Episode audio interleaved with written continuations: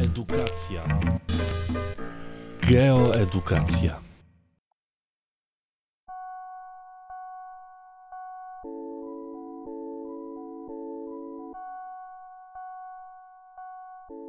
Zlodowacenia w Polsce.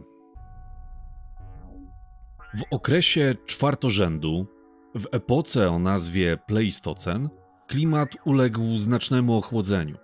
To właśnie w tym czasie na Półwyspie Skandynawskim powstał lądolud. Lądolud ten w znaczny sposób wpłynął na rzeźbę dzisiejszej Polski. Klimat w tamtym okresie czasu nie był jednak tak do końca stabilny, dlatego okresy ochładzania się klimatu, które powodowały zwiększanie zasięgu lądolodu, nazywamy glacjałami, czyli zlodowaceniami, Natomiast występowały też okresy przejściowe, w których klimat się ocieplał, a zasięg lądolodu stawał się mniejszy. Lądolud wycofywał się z Polski na północ. Takie okresy nazywamy interglacjałami. Ostatnie zlodowacenie skończyło się około 10 tysięcy lat temu, podczas gdy interglacjały, a więc przerwy pomiędzy kolejnymi zlodowaceniami, mogły trwać nawet 100 tysięcy lat, więc tak naprawdę nie możemy być pewni, czy żyjemy w epoce polodowcowej, czy w epoce pomiędzy kolejnymi zlodowaceniami. Na obszarze Polski wystąpiły trzy główne zlodowacenia.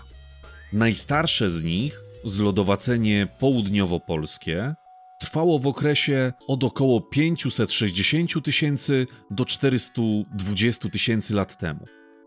Zlodowacenie to miało największy zasięg, ponieważ objęło obszar całego kraju i zatrzymało się na Sudetach i Karpatach, a więc dotarło aż do gór.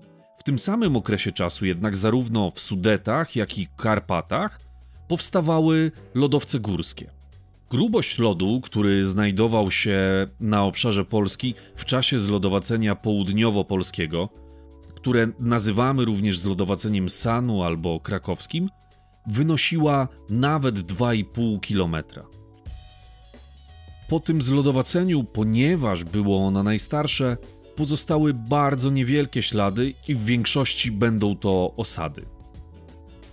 Zlodowacenie środkowo-polskie, którego inna nazwa to zlodowacenie Odry, miało już mniejszy zasięg. Zlodowacenie to rozpoczęło się około 300 tysięcy lat temu, a skończyło 130 tysięcy lat temu i zatrzymało się na pierwszych przeszkodach, jakie lodowiec napotkał na swojej drodze. Te pierwsze przeszkody to były na zachodzie Polski Sudety, a w środkowej i wschodniej części kraju Pas Wyżyn, a więc taką granicą zlodowacenia środkowo-polskiego na zachodzie były Sudety, a następnie Wyżyna krakowsko-częstochowska, śląska, Wyżyna małopolska i Wyżyna lubelska. Najmłodsze zlodowacenie, a więc zlodowacenie północno-polskie, które nazywamy też zlodowaceniem Wisły lub Bałtyckim, miało najmniejszy zasięg, ale przez to, że wycofało się z obszaru Polski ostatecznie zaledwie 10 tysięcy lat temu, to też ślady pozostawione przez właśnie to zlodowacenie są najlepiej zachowane. Dlatego właśnie mówimy, że na obszarze zlodowacenia północno-polskiego mamy do czynienia z rzeźbą młodoglacjalną, podczas gdy na pozostałej części Polski możemy mówić o rzeźbie staroglacjalnej. Zasięg zlodowacenia północno-polskiego obejmuje dzisiaj obszary pojezierzy, a więc będzie to pojezierze pomorskie, wielkopolskie oraz mazurskie. Przez to, że to właśnie ta część Polski znalazła się pod wpływem lodowca aż trzykrotnie, a więc więcej niż na pozostałych obszarach, tam też grubość osadów polodowcowych będzie największa i dochodzi nawet do 250 metrów. Grubość tych osadów oczywiście będzie malała w kierunku południowym, ponieważ tam lodowiec był przez coraz krótszy okres czasu. Rzeźba staroglacjalna będzie najbardziej charakterystyczna dla obszaru nizin środkowopolskich. W czasie, gdy lądolud skandynawski znajdował się na obszarze pojezierzy, Rzeźba polodowcowa na obszarze nizin ulegała procesom denudacji, a więc wyrównywania terenu. Zagłębienia były zasypywane, wyrównywane, a z kolei wyniesienia terenu ulegały procesom erozji i tutaj również dochodziło do wyrównywania terenu. Jako przykłady rzeźby staroglacjalnej, które przetrwały do dzisiaj i są widoczne w rzeźbie terenu, możemy więc wskazać tylko jakieś wyjątkowo duże fragmenty rzeźby polodowcowej, a będą do nich należeć pradoliny, a więc rozległe doliny, które zostały utworzone przez rzeki z jednej strony płynące z południa Polski, a z drugiej strony tworzące się stopniejącego lodowca. Rzeki te płynęły równolegle do czoła lodowca i pradoliny mają w Polsce właśnie przebieg równoleżnikowy. Jako przykłady tych pradolin najbardziej widoczne w rzeźbie terenu możemy podać pradolinę warszawsko-berlińską oraz toruńsko-eberswaldzką, Wzgórza Moreny Czołowej to też jest kolejna forma terenu, która jest widoczna nawet przy okazji rzeźby staroglacjalnej i takim przykładem będą wzgórza trzebnickie, znajdujące się na obszarze Dolnego Śląska. Te wzniesienia moreny czołowej powstały w czasie zlodowacenia środkowo-polskiego, ale do dzisiaj mają wysokość dochodzącą do 250 metrów. Obszar północnej części Polski, a więc pojezierza mazurskiego, pomorskiego i wielkopolskiego, nazywamy obszarem rzeźby młodoglacialnej, ponieważ stamtąd lodowiec wycofał się jako ostatni i procesy denudacji jeszcze nie zdążyły przebiec do końca na tym obszarze, a więc rzeźba terenu nie została tutaj wyrównana. Dlatego to właśnie w tej części Polski odnajdziemy największą liczbę form polodowcowych. Bez problemu odnajdziemy tutaj wzgórza moreny czołowej. Są to wzgórza, które powstały przed czołem lądolodu, w czasie jego postoju i zostały utworzone z gliny zwałowej, która jest mieszaniną iłów, piasków czy żwirów. Wzgórza moreny czołowej wyznaczają nam zasięg czoła lodowca, no i jako takie najwyższe kulminacje moreny czołowej w Polsce możemy wskazać Wieżycę, która jest najwyższym e, szczytem pasa pojezierzy i osiąga wysokość 329 metrów nad poziomem morza. Znajduje się ona na Pojezierzu Pomorskim, ale także możemy tutaj zaliczyć Szeskie Wzgórza czy Dylewską Górę. Do fragmentów rzeźby młodoglacialnej zaliczymy także obszar moreny dennej, który jest po prostu zbudowany z materiału skalnego, który pozostał po wytopieniu się lądolodu. Na obszarze północnej Polski znajdziemy także najwięcej głazów narzutowych, których inna nazwa to eratyki, i są to fragmenty skał, które zostały przetransportowane przez lądolud z półwyspu skandynawskiego. Jeżeli widzicie gdzieś nagle w polu leżący sobie duży kawałek skały, najczęściej taki owalny, nie posiadający ostrych krawędzi, który nijak nie pasuje do otaczającego obszaru, no bo mamy pole z glebą, a nagle widzimy jakiś większy kamień, to to jest właśnie głaz narzutowy. Kolejną taką formę stanowią rynny polodowcowe.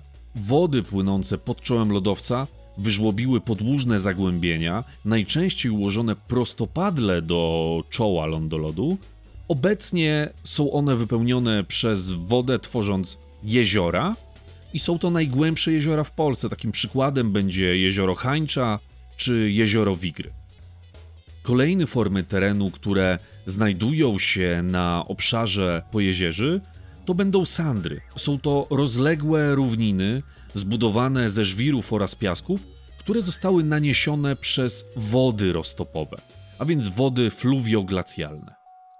Jednym z takich największych sandrów w Polsce będzie obszar borów tucholskich, który jest porośnięty przez lasy iglaste, a drzewa iglaste są roślinami mało wymagającymi, a więc wyrosną nawet na słabszej glebie. Stąd łatwo będzie w miarę sobie kojarzyć, że z jednej strony Park Narodowy Borów Tucholskich są to właśnie lasy iglaste, a jeżeli mamy lasy iglaste, które wymagają słabych gleb, to równocześnie kojarzmy to sobie z właśnie obszarem sandrów. Kolejne formy już są znacznie mniejsze, dlatego nie zachowały się w żadnym, nawet najmniejszym stopniu na obszarze rzeźby staroglacjalnej, a będą to kemy, a więc piaszczysto-żwirowe pagórki, które powstały dlatego, że w szczelinach lodowcowych gromadził się materiał, no i po wytopieniu lodowca ten materiał został osadzony na powierzchni terenu właśnie w formie pagórków. Ozy są to z kolei długie, wąskie oraz kręte wały zbudowane z piasków i żbirów, również osadzone w szczelinach lodowcowych. Tutaj zasada powstania będzie podobna jak przy kemach, różnica jest przede wszystkim przy kształcie. No i mamy jeszcze drumliny. Są to niewielkie wzgórza, które są zbudowane z piasków żwirów oraz niekiedy gliny polodowcowej. Wszystkie formy polodowcowe możemy sobie podzielić na cztery grupy. Będą to formy akumulacyjne, a więc powstałe w wyniku budującej działalności, oraz formy erozyjne, a więc powstałe w wyniku niszczącej działalności. W naszym przypadku oczywiście lodowca lub wód pochodzących z jego topnienia. Formy akumulacyjne najczęściej będą to wyniesienia, natomiast formy erozyjne to najczęściej będą jednak zagłębienia. Dlatego do form erozyjnych zaliczymy sobie na przykład pradoliny czy rynny polodowcowe. Natomiast do form akumulacyjnych zaliczymy sobie chociażby ozy czy wzgórza moreny czołowej. Formy lodowcowe możemy jednak podzielić także na te, które powstały w wyniku bezpośredniej działalności lodowca i będą to formy glacjalne, i tutaj jako taki przykład możemy wskazać wzgórza moreny czołowej, ponieważ to lodowiec spychał ten materiał. Innym takim przykładem będą głazy narzutowe, ponieważ to właśnie lodowiec je przyniósł ze Skandynawii. Natomiast drugim takim czynnikiem rzeźbotwórczym w obrębie lodowca, więc druga grupa form, to będą formy fluwioglacjalne, a więc to będą te, które powstały w wyniku działalności wód pochodzących z topnienia lodowca. A więc tutaj będą wspomniane już wcześniej pradoliny, rynny polodowcowe oraz na przykład sandry. Lodowce oczywiście występowały również na obszarze gór, szczególnie w Tatrach, natomiast nie możemy powiedzieć, że tam one uformowały rzeźbę terenu, a jedynie ją przemodelowały.